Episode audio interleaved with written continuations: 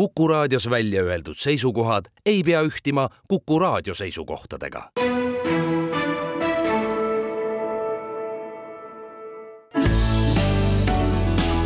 keskpäevatund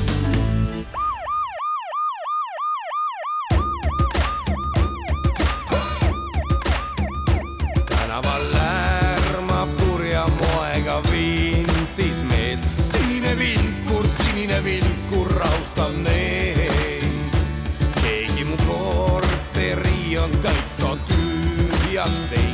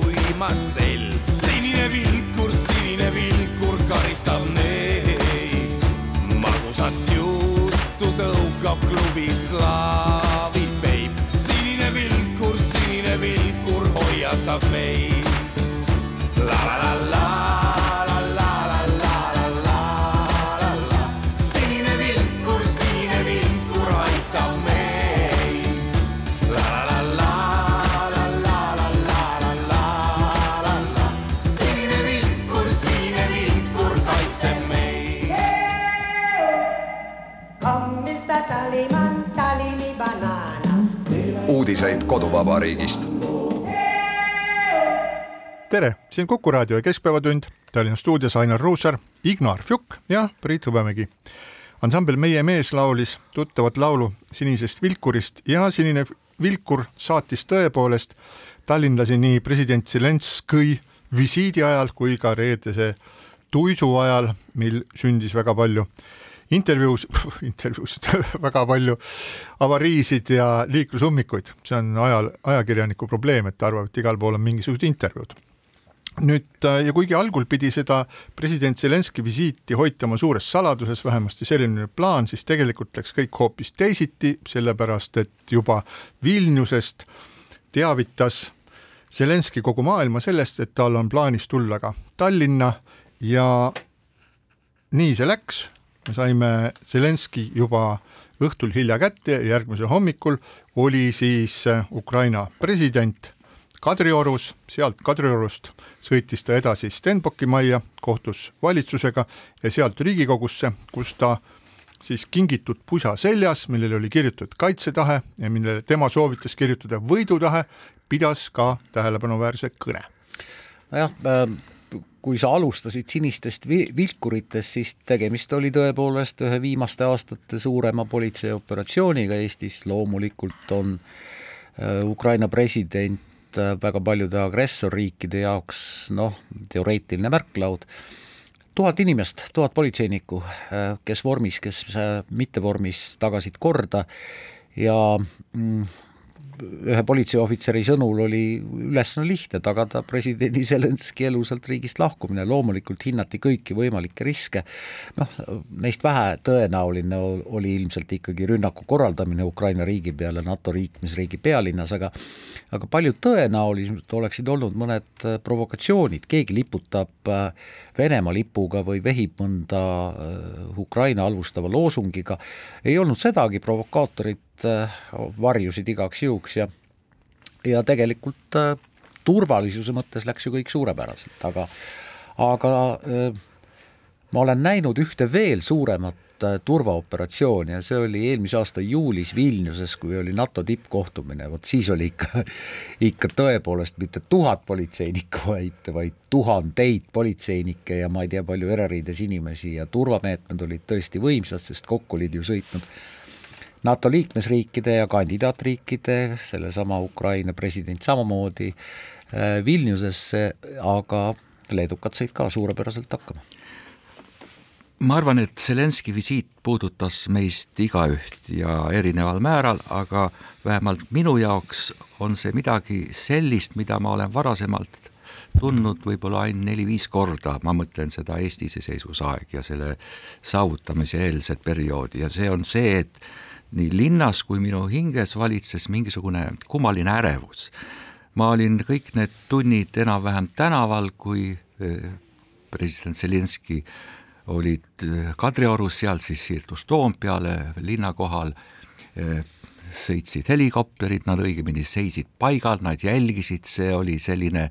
kummaline äh, tunne mul tekkis ja ma sain aru, et alles ehk nüüd peale kahte aastat sõda jõudis sõda ka Eestisse, selle võimalikkus, see, selle, selle ohu suurus, mida tähendab, kui meil on selline naaber. ja ma tooksin need neli-viis varasemat ärevushetke väga lühidalt, mida ma olen tundnud, esimene oli Eestimaa laul, september kaheksakümmend kaheksa, kui Lauluväljakul oli kakssada viiskümmend tuhat inimest ja ma järsku kujutasin ette, et mis siis saab, kui võim peaks korraldama mingisuguse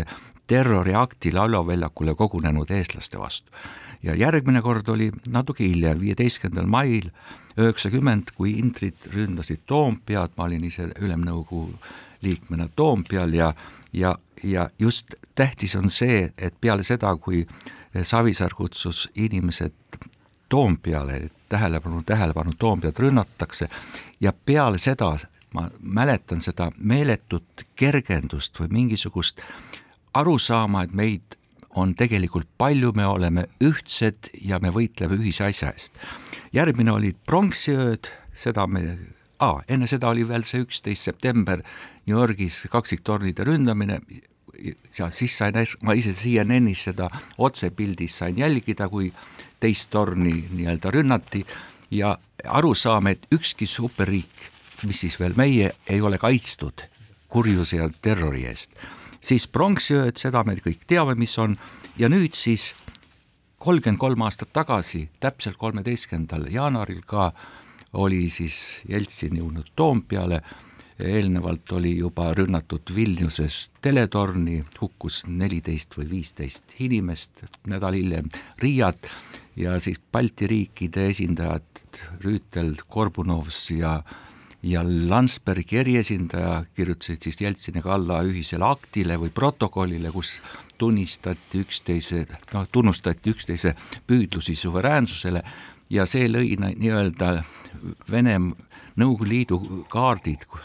nagu segi. ja, ja seda nüüd öeldes ma tahangi öelda, et, et ka tänaseks me oleme nagu harjunud selle sõjaga ja igapäevased uudised, mida me kuuleme nendest koledustest, tapmistest ja rüüstamistest, mis seal toimub, et see nagu ei mõju enam nii nagu algfaasis. aga ühte ma küll võin öelda, et, et kui varasemalt sõja algfaasis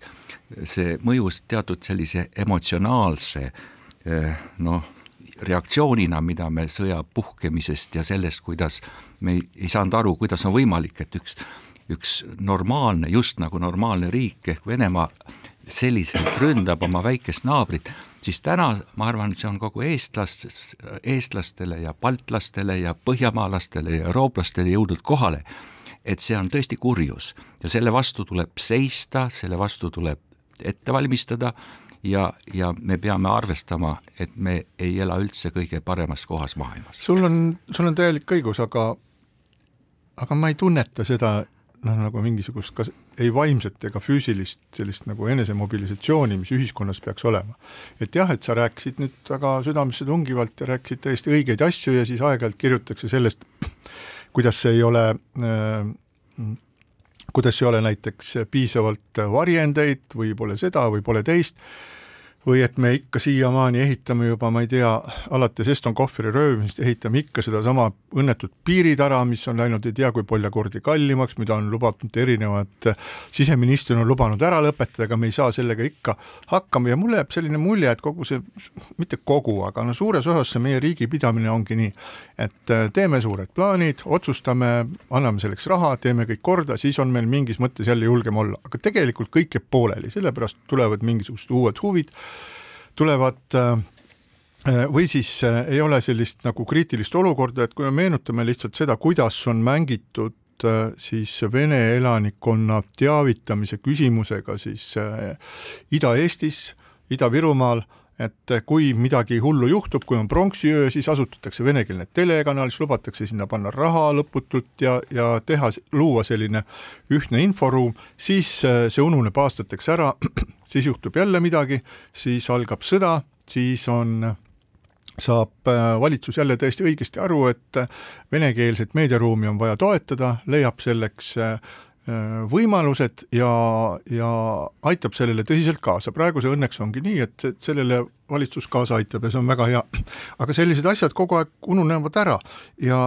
noh, eks minagi mäletan neid aegu ja see tõepoolest see tunne, et kuidas, kui ühiskond on mobiliseerunud, kui ta mõtleb ühele asjale, kui ta, ma mõtlen vaimselt mobiliseerunud, mõtleb ühele asjale, kui eesmärk on selge ja oht on selge, et siis inimesed ka räägivad sellest, et nad üksteist toetavad, noh, ütleme nii, et praegu ei saa öelda, et Nõmme elanikud arutaksid, et kuhu aianurka endale äh, siis varjend kaevata ja kuidas seda kõige parem oleks teha, kas mördiga ja tellistest või peaks tingimata betoonist valama ja nii edasi ja nii edasi. et sellist tunnetust siiski ühiskonnas ei ole, minu meelest me elame ikka täpselt samamoodi edasi, nagu me enne elasime, lihtsalt kuskil kaugel midagi toimub ja olud on ka teised. päris nõus ma sinuga ei ole, selles mõttes, et äh, esiteks ähm, tegelikult äh, siin alaliselt elavad venekeelsed inimesed peaksid ikkagi olema integreerunud juba eestikeelsesse meediaruumi ja inforuumi, et, et äh, ma loodan, et eestikeelsele haridusele üleminek aitab sellele kaasa ja on kurb, et seda siiamaani tehtud ei ole, aga tegelikult jah, noh, eks ta, eks ta nii ole, et äh, rohkemal või vähemal määral me ikkagi oleme investeerinud oma julgeolekusse, meie kõik, kolm protsenti SKP-st läheb äh, kaitsekuludeks, Eesti on andnud Ukrainale sõjalist abi ligi üks koma neli protsenti SKP-st, see on see on väga märkimisväärne summa ja kui iga Ukrainat toetav riik oma suurusest ja skp suurusest sõltumatult jõuaks selle tulemuseni või lepiks selles eesmärgiks kokku, oleks kõvasti äh, Ukraina võit lähemal. aga ma olen ilmselt erakordselt naiivne, et kui meenutada, et NATO-s ka justkui lepiti kokku kaheprotsendiline kaitsekulu igas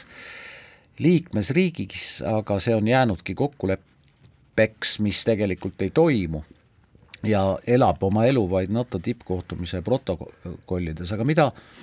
Zelenskõi on korduvalt kõigil oma välisvisiitidel peetud kõnedes öelnud, on ju, on ju väga lihtne, et eh, Venemaa sanktsioonid ei toimi, ei toimi, tõesti ei toimi. Euroopa kaitsetööstus ei toimi nii, nagu ta peaks ja eh, me ei suuda tegelikult, ma ei räägi Eestist, vaid eh, meie liitlastest samamoodi, me ei suuda tegelikult blokeerida kõiki neid juhtumeid, kui Vene sanktsioonidest äh, mööda hiilitakse ja ja paraku nii on, et kui vaadata ja uskuda neid arve, mida on avaldatud Venemaa majanduse kohta, siis äh, noh, kokku kukkumas see riik nüüd küll ei ole, aga fakt on ka see, et et et äh, Eestis me mõistame seda Ukraina sõda Eestis, Lätis, Leedus, Soomes ilmselt hoopis teistmoodi, kui, kui mõned äh, Lõuna-Euroopa riigid seda mõistavad ja probleemid on ka teised, noh ma toon selle näite, et Hispaania võimud said eelmisel aastal sada kuuskümmend kolm tuhat kakssada kaheksateist asüülitaotlust. see on absoluutne rekord, aastaga kasvas asüülitaotluste arv kolmkümmend seitse protsenti Hispaanias. Neil on natuke teised probleemid kui meil. Ma ei teagi, kuidas seletada seda, mida sa Priit väga hästi välja tõid, et meil just nagu aeg-ajalt tekivad mingisugused eesmärgid, on see piiritara või varjendid või, aga siis see kõik nagu suikub, unustatakse ja võib-olla see ongi seotud ja ma ei oska sellele seletust anda, aga see, millest on sageli ka räägitud ja räägitakse, et erakonnad ei ole meil nii-öelda väärtuspõhised, et käib mingisugune arutlus, on see siis Exceli põhiselt või mingitel lihtsalt võimu toiteahela põhiselt või, või mingitel muudel eesmärkidel ja selles väärtuspõhisuse kaos kõige ohtlikum on siis, kui see kaob nii-öelda meie julgeoleku ja meie nii-öelda põhiseadusest tuleneva eksistentsi ja tuleviku arvel ja, ja see on nii valdav ja, ja muidugi kõike erakondadele süüks panna on raske, sest ka valijad ju teevad oma valikuid. aga see on nagu kahesuunaline maantee, et, et nii nagu erakond annab valijale, nii valija annab ka erakonnale, nii et aasta-aastalt see, see pott läheb üha ähm, segasemaks ja, ja Eesti huvidele üha vähem vastavaks ja ja, ja siia juurde kuulub just see, et, et väärtustasemel on loosungiks, seda peaks saama nüüd tasuta, selle nimel ei peaks pingutama, et kõik peaks olema nagu muidu. et meil rahvana enam pole vaja üldse pingutada, on vaja ainult rohkem karjuda, nõuda rohkemat asju tasuta ja siis oleks just nagu õnn meie majas, aga ei ole nii.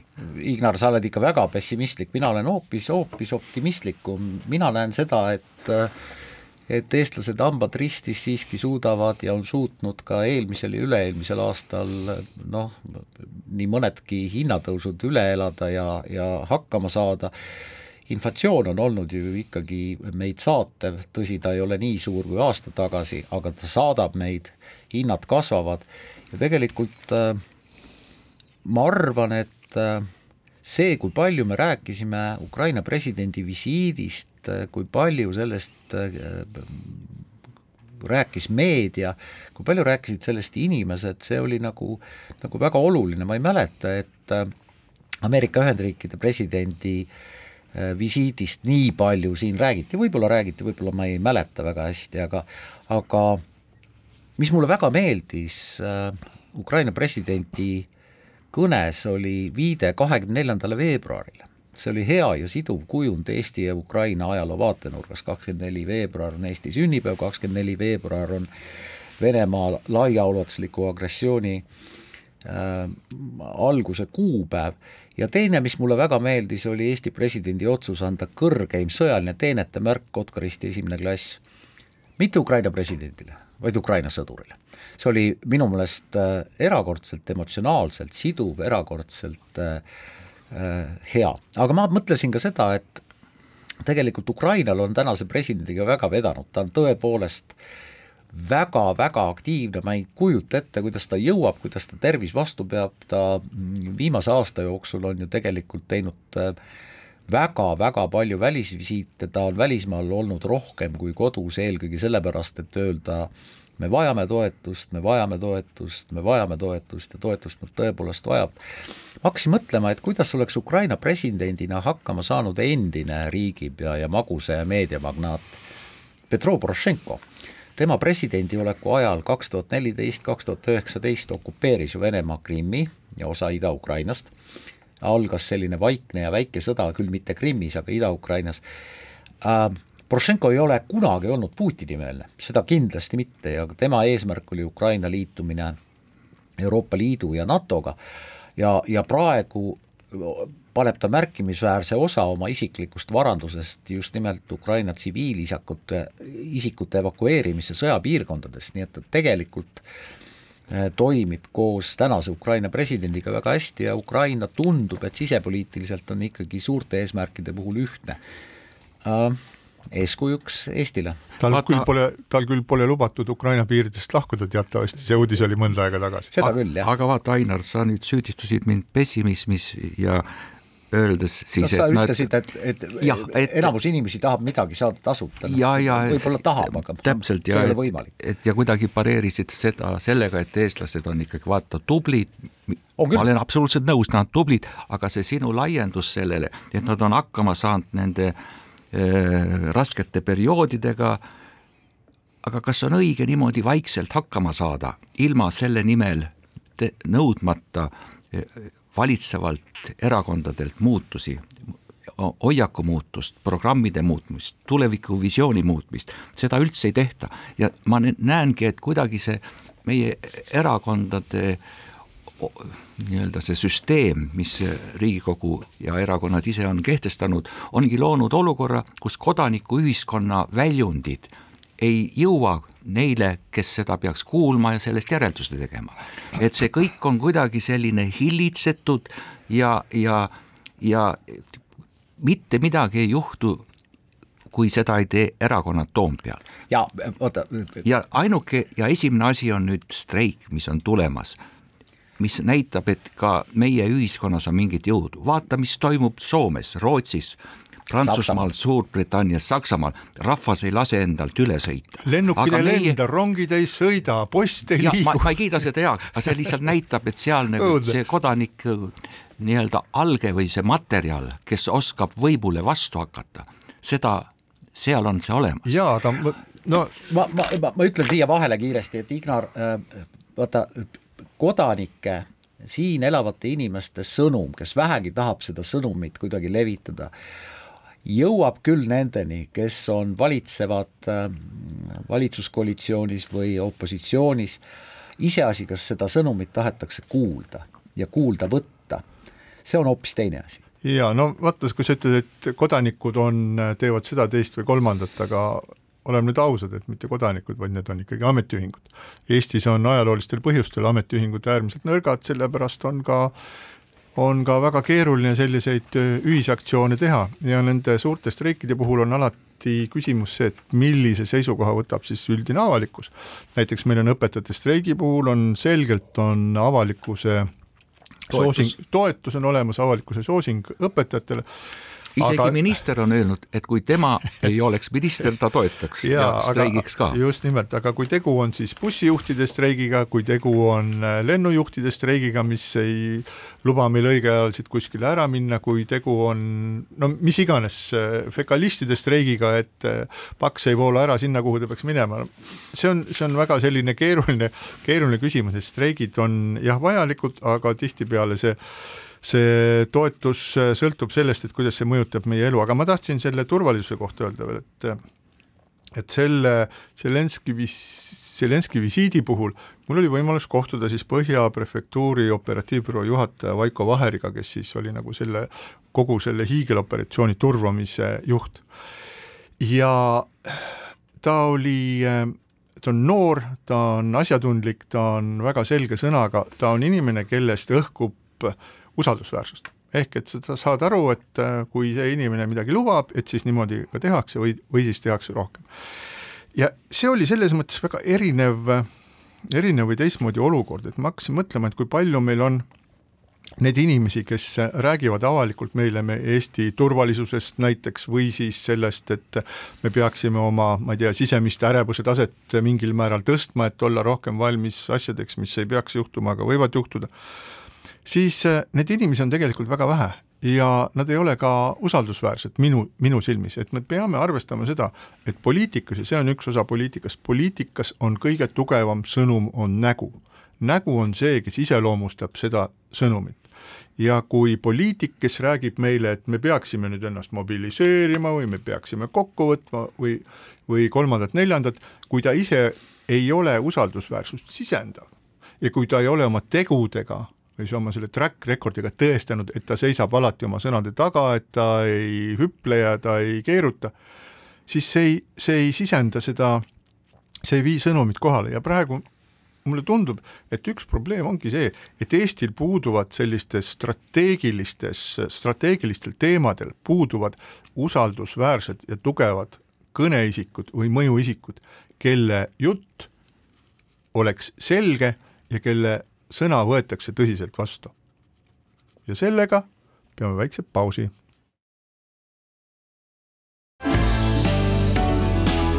keskpäevatund.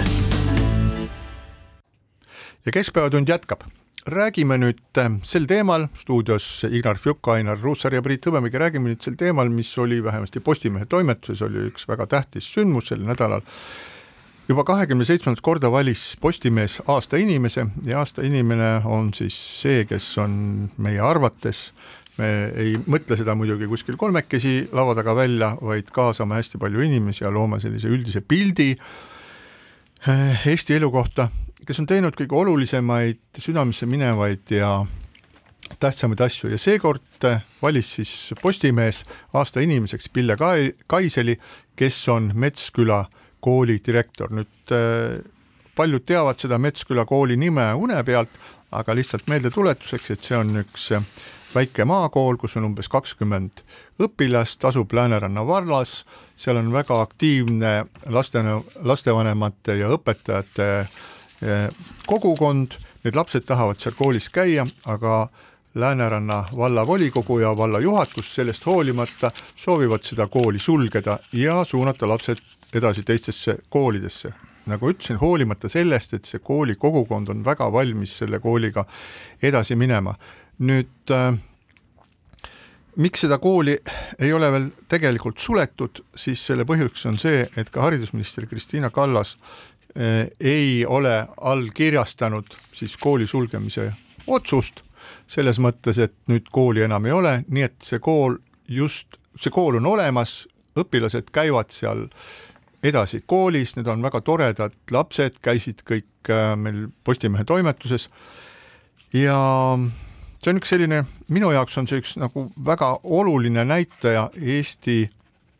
sellest, kuidas Eestis põrkuvad kokku bürokraadid, ametnikud ja kes äh, istuvad nii riigi kui kohaliku võimu laudade taga, kui inimesed, kelles on kogukondlik meel ja kes tahavad asja paremaks teha, nii et selles Mets, Metsküla koolis ongi selline õnnetu juhtum. seal on käinud ka Eesti Vabariigi president Alar Karis nendega rääkimas ja mis on minu jaoks kõige kurvem ja on see, et nii president kui ka haridusminister mõlemad on sunnitud ütlema, et jah, et me tunneme väga kaasa, me arvame, et see lahendus oleks õige, et kool jätkaks, aga me ei saa mitte midagi teha ja minu küsimus tekib, mis, mis pagana riiki me siin õieti ikkagi peame, kus ilmselgelt arusaadavalt õigeid ja olulisi otsuseid ei ole võimalik teha, sellepärast et vaat näed, käed on seotud. vot see Metsküla kooli näide, millest meie korduvalt oleme ka Keskpäevatunni saates äh, rääkinud, on äh, vastus sinu pessimismile, Ignar, et äh, kodanike hääl ja kodanikuühiskonna äh, nii-öelda pessimism on valdav, ei ole. Metsküla kooli näide on selge see, kuidas äh, teatud grupp inimesi tegutseb selle kooli säilimise nimel ja väga paljud inimesed Eestis, ma eeldan, et suurem osa inimesi teavad, mis äh,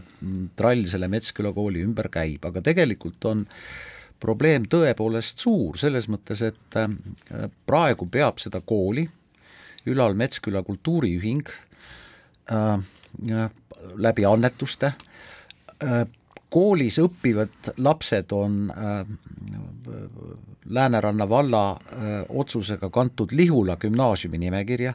ehk siis tegelikult kui lugeda de jure, siis need lapsed, kes käivad Metsküla koolis ja õpivad seal,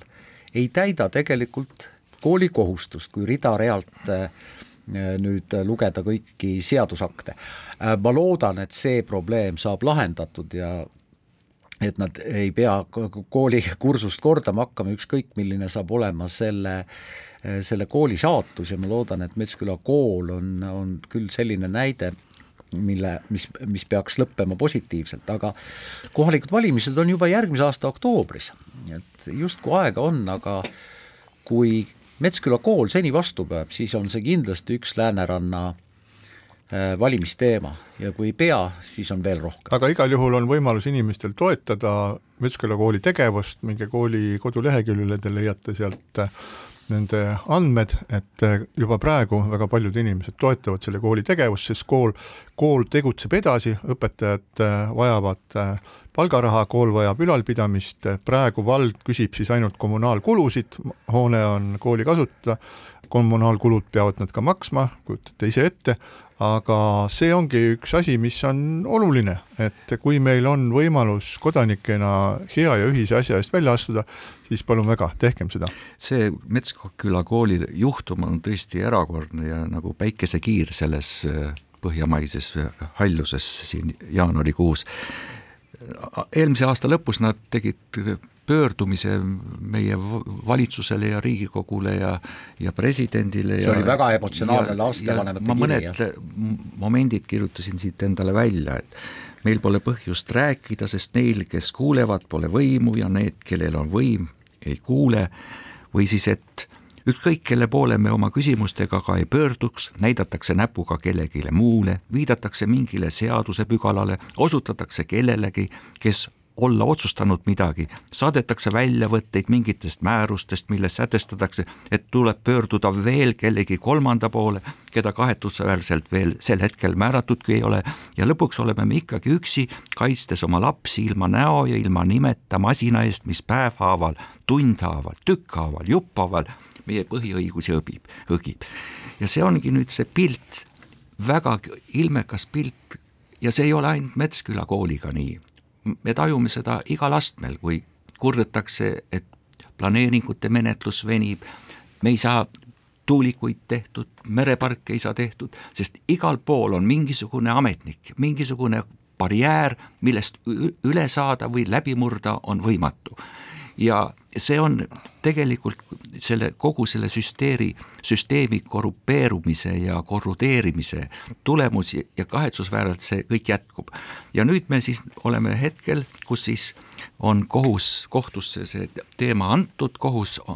andis aega osapooltele ehk siis vallavalitsusele ja ja koolile leida mingisugune kompromiss, mida ei leitud ja nüüd siis kahekümnendal veebruaril on kavas, et eh, kohus langetab otsuse ja mina ei tea, millist otsust saab kohus langetada, sest seadus ei võimalda ju võtta vali, vallavolikogult õigust otsustada, kuidas valla elu korraldada. jah, sest ta on koolipidaja. see on koolipidaja ja samamoodi nagu ei saanud ka Riigikohus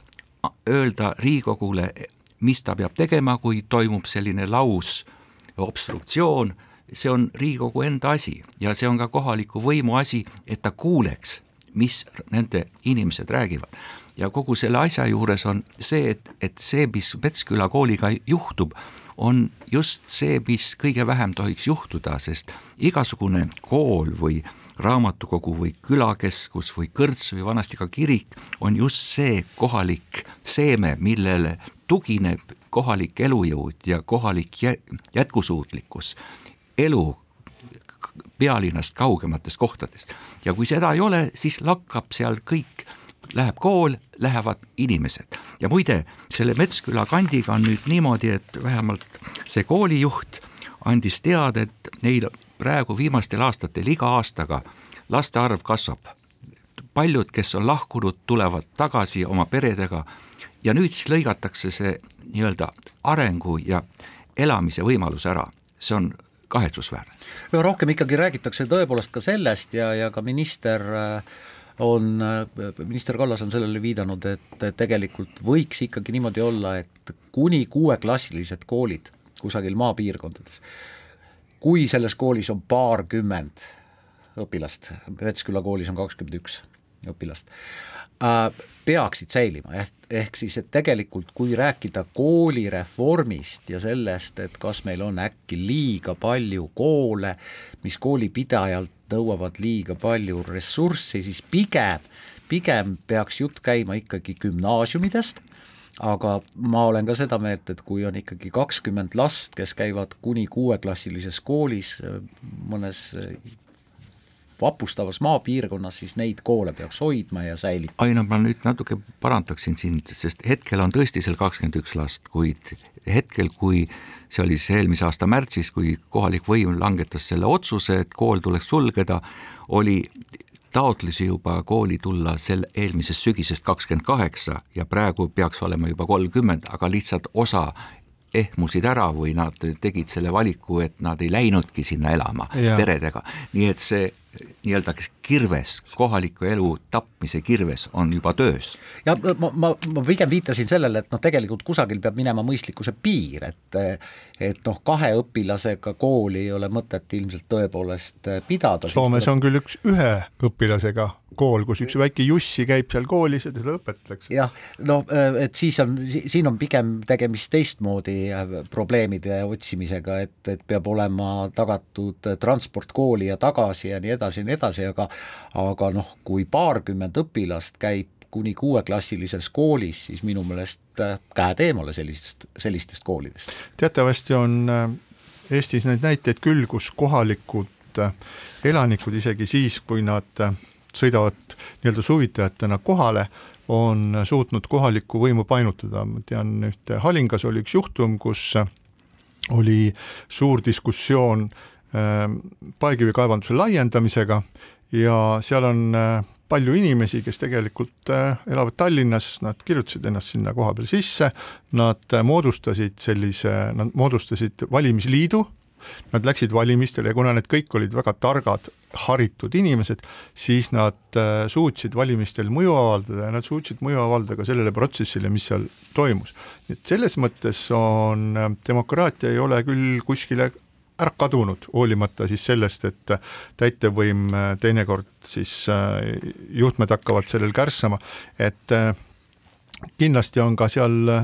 see, see soovitus võib nüüd tunduda täiesti sellise lapsikuna, aga kindlasti on ka seal Lääneranna vallas olemas inimesi, kes käivad seal lihtsalt suvitamas. kui see kõik on teie huvides, siis mobiliseeruge, jälle taas natukene sõjaväelise varjundiga sõna, aga selles mõttes, et arutage, rääkige ja püüdke mõjutada neid kohalikke valimisi, siis te saate oma hääle veel paremini sinna, kus nendest asjadest päriselt räägitakse. ja siinkohal väike paus.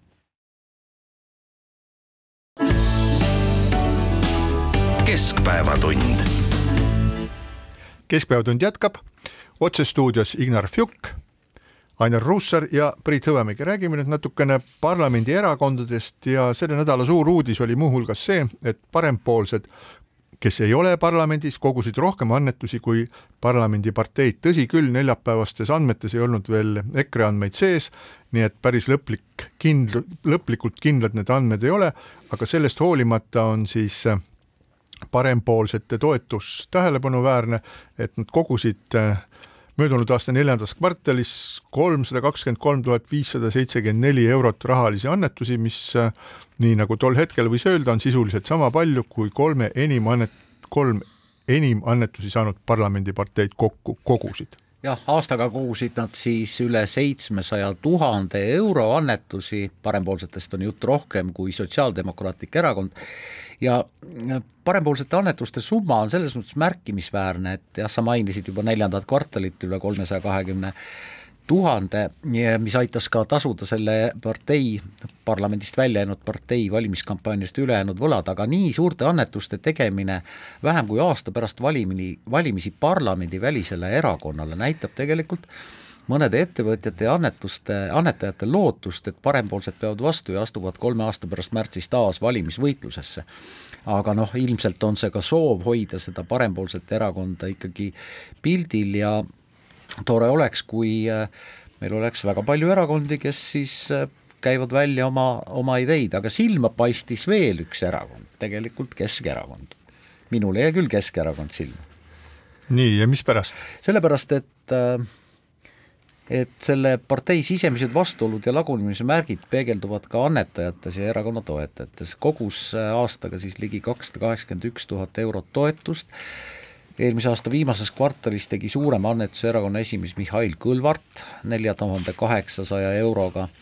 ja annetused tulidki valdavalt erakonna liikmetelt, mitte väljastpoolt äh, kuskilt ettevõtjatelt või toetajatelt. Äh,, aga Keskerakond on äh, kõige distsiplineeritum erakond selles mõttes, et nende liikmed maksavad kõige paremini liikmemaksu just nemad kogusid kõigist nelja protsendi künnise enam ületanud erakondadest kõige rohkem liikmemaksu, veelgi halvemini käis käsi muidugi Eesti kahesajal, kes kogus viimases kvartalis vaid tuhat viissada kaheksakümmend kaheksa eurot annetusi, et esimeses kvartalis ehk valimiste eel ja järel Äh, annetati sellele erakonnale kaheksasada tuhat eurot, nii et siin on nagu, nagu selge märk sellest, et Eesti kakssada on kuidagi kaotanud usaldusega nende silmis, kes sellele erakonnale ja tegevuse toetuseks raha andsid. eks need erakondade nii-öelda rahastamise teema on mõnes mõttes peegelpilt sellest, kuidas erakonnad hakkama saavad, kes siis on võimul või kes on ähm, kes on siis opositsioonis ja ja seda pilti, suuremat pilti vaadates hakkab alati silma, et, et ühed ja needsamad ärimehed või ettevõtjad on need, kes kõige rohkem panustavad erakondadele. aastaid on olnud need Hillar Teder ja Urmas Sõõrumaa ja ka Parver Pruunsilm, kes noh, kuidas öelda, kellele läheb hinge see, et erakonnad on just nagu kuival, neil on vaja anda rahalist tuge, et nad saaks veel paremini oma ülesandeid täita, mis meie saates on seni saanud küll ka kriitikat. Aga kogu selle pildi juures mind häirib just nagu meedia poolelt see ja seda avaliku-õigusliku televisiooni, ringhäälingu poolt, et millegipärast on seal nii-öelda otsestuudio saated, kus kutsutakse parlamendis esindatud erakondi, aga mitte kunagi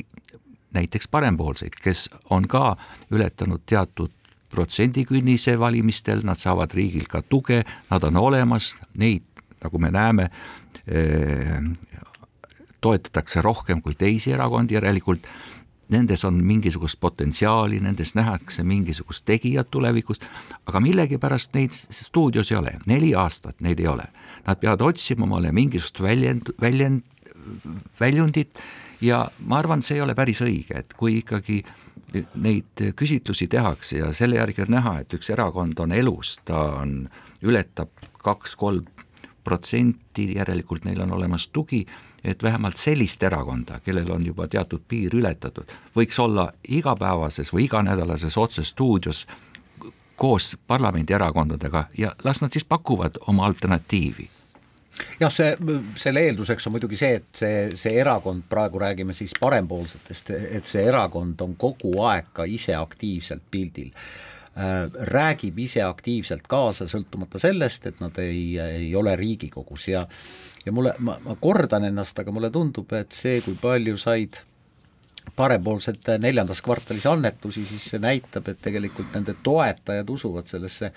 sellesse erakonda ja sellesse, et see erakond ei kustu, sest meil on olnud ju parlamendiparteid, kes on pääsenud Riigikogusse, aga tõsi küll, olnud seal ainult ühe Riigikogu koosseisu aja ja pärast seda kadunud meie poliitmaastikult üldse. kahtlemata, erakonda toimivat erakonda ei tee ega vii Riigikogusse ilma rahata, see on nüüd nagu täiesti selge no,, ainult ideest ei piisa, aga aga täpselt samamoodi ainult rahast ka ei piisa, et jõuda Riigikogusse ja hakata riigi asju. peab natuke valetama ka. no ma ei tea, valetama või mitte, aga, aga kuna, kuna ikka poliitilise erakonna eesmärk on siis äh,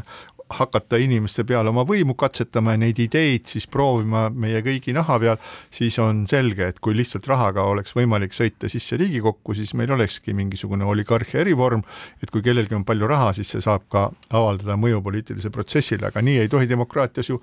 ju olla. nüüd, kes parempoolsetele seda raha on siin jaganud, et siis äh, Raul Kirjanen äh, tuntud pelleti- ja puiduärimees äh, tegi suurima annetuse kakssada tuhat eurot, äh, Rain Lõhmus, pankur, annetas kakskümmend viis tuhat, Sten Tamkivi ja Taavet Hinrikus, IT ärimehed mõlemad kakskümmend tuhat ja riigi toetust said parempoolsed ka seitse tuhat viissada eurot, nii et parempoolsed jah, vot nüüd me räägime muidugi sellest, nad said palju raha, ma arvan, et nad raha said peamiselt eh, sel põhjusel, et neil olid valimiskampaaniast jäänud hiiglaslikud võlad ja kui nad poleks neid võlgu ära maksnud, siis oleks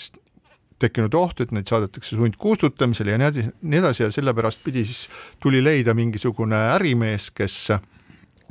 kes eh,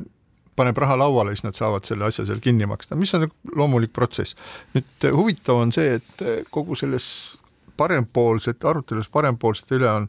on äh, jäänud tahaplaanile see ja ma ei tea, võib-olla see on ka õige, et kuidas nad üldse tekkisid, et see oli lõhe Isamaa sees, mis sünnitas siis äh, parempoolsed ja nüüd äh, noh, ma ei tea, poliitilisest mõjust vist veel rääkida ei saa, aga vähemasti saab rääkida sellest, et nad raha, rahapumbana töötavad küll päris hästi, samal ajal Isamaa pumpab endale juurde toetust ja on tõusnud kõige populaarsemaks erakonnaks Eesti kakssada, noh, kaob juba ekraanilt, pilt on selline värisev ja hägune ja, ja tõenäoliselt varsti seda enam ei ole. seda näitab ka see, mis siis praeguse Keskerakonna lagunemise olukorras, et äh, minnakse üle sotsidesse min- või minnakse üle kuskile mujale, aga ei minda Eesti kahesajasse ja noh, nagu tavaliselt ikka, on olemas üks selline kriitiline murdepunkt, kui äh, mingisugune asi saab selgeks ja ma arvan, et eh, Eesti kahesajaga ühel hetkel saab lihtsalt selgeks see, et see on perspektiivitu eh, nii-öelda seltskond, et sellega ei saa minna siis ka järgmistele Riigikogu valimistele vastu ja need inimesed, kes, kellele on oluline nende poliitiline tulevik, lihtsalt hääletavad eh, jalgadega ja valivad mingi teise erakonna, aga siin ma muidugi Keskerakonnast ei rääkinud midagi. Äh, erakondade puhul ja rahastamise puhul on tegelikult üks oluline asi ja küsimus, millele mina ei oska vastata, aga millele äh, tähelepanelik poliitikavaatleja, poliitikas osaleja Ignar Fjuk kindlasti oskab vastata. kui sa oled parteis, kui sa oled partei liige, siis sul on justkui kohustus maksta liikmemaksu aga korra maini-, mainisime, et kõige rohkem kogub liikmemaksu Keskerakond, seal on kõige parem liikmemaksudistsipliin,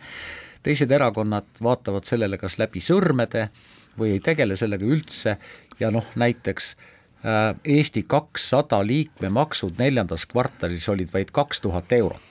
et kui vaadata Eesti kahesaja liikmete arvu, ma ei tea, milline on liikmemaksu no summa. vaata, see on nii, et mis sa ikka neid porgandeid tagahoovis kasvatad, kui sulle antakse abiraha ja sa võid porgandeid tuua üle tee asuvast Lidli poest. siin, ma arvan, et siin on põhjus väga lihtne. Eh, põhjus on lihtne selles, sellepärast, et eh, erakond, erakonnal on oluline ametlike liikmete arv ja see on palju olulisem kui see summa, mida liikmemaksudest koguda või see, et erakonna peasekretär käib ja helistab või saadab emaili kõigile erakonna liikmetele, kellel on liikmemaks tasumata. aga nüüd oskab Ignar öelda, et ja ta on juba terve lehekülje täis kirjutanud oma vastust. kui ma olen, kui ma olen organisatsiooni liige, mille eelduseks on, et ma maksan liikmemaksu, siis miks partei liikmeks olles ei pea ma seda maksma? no kindlasti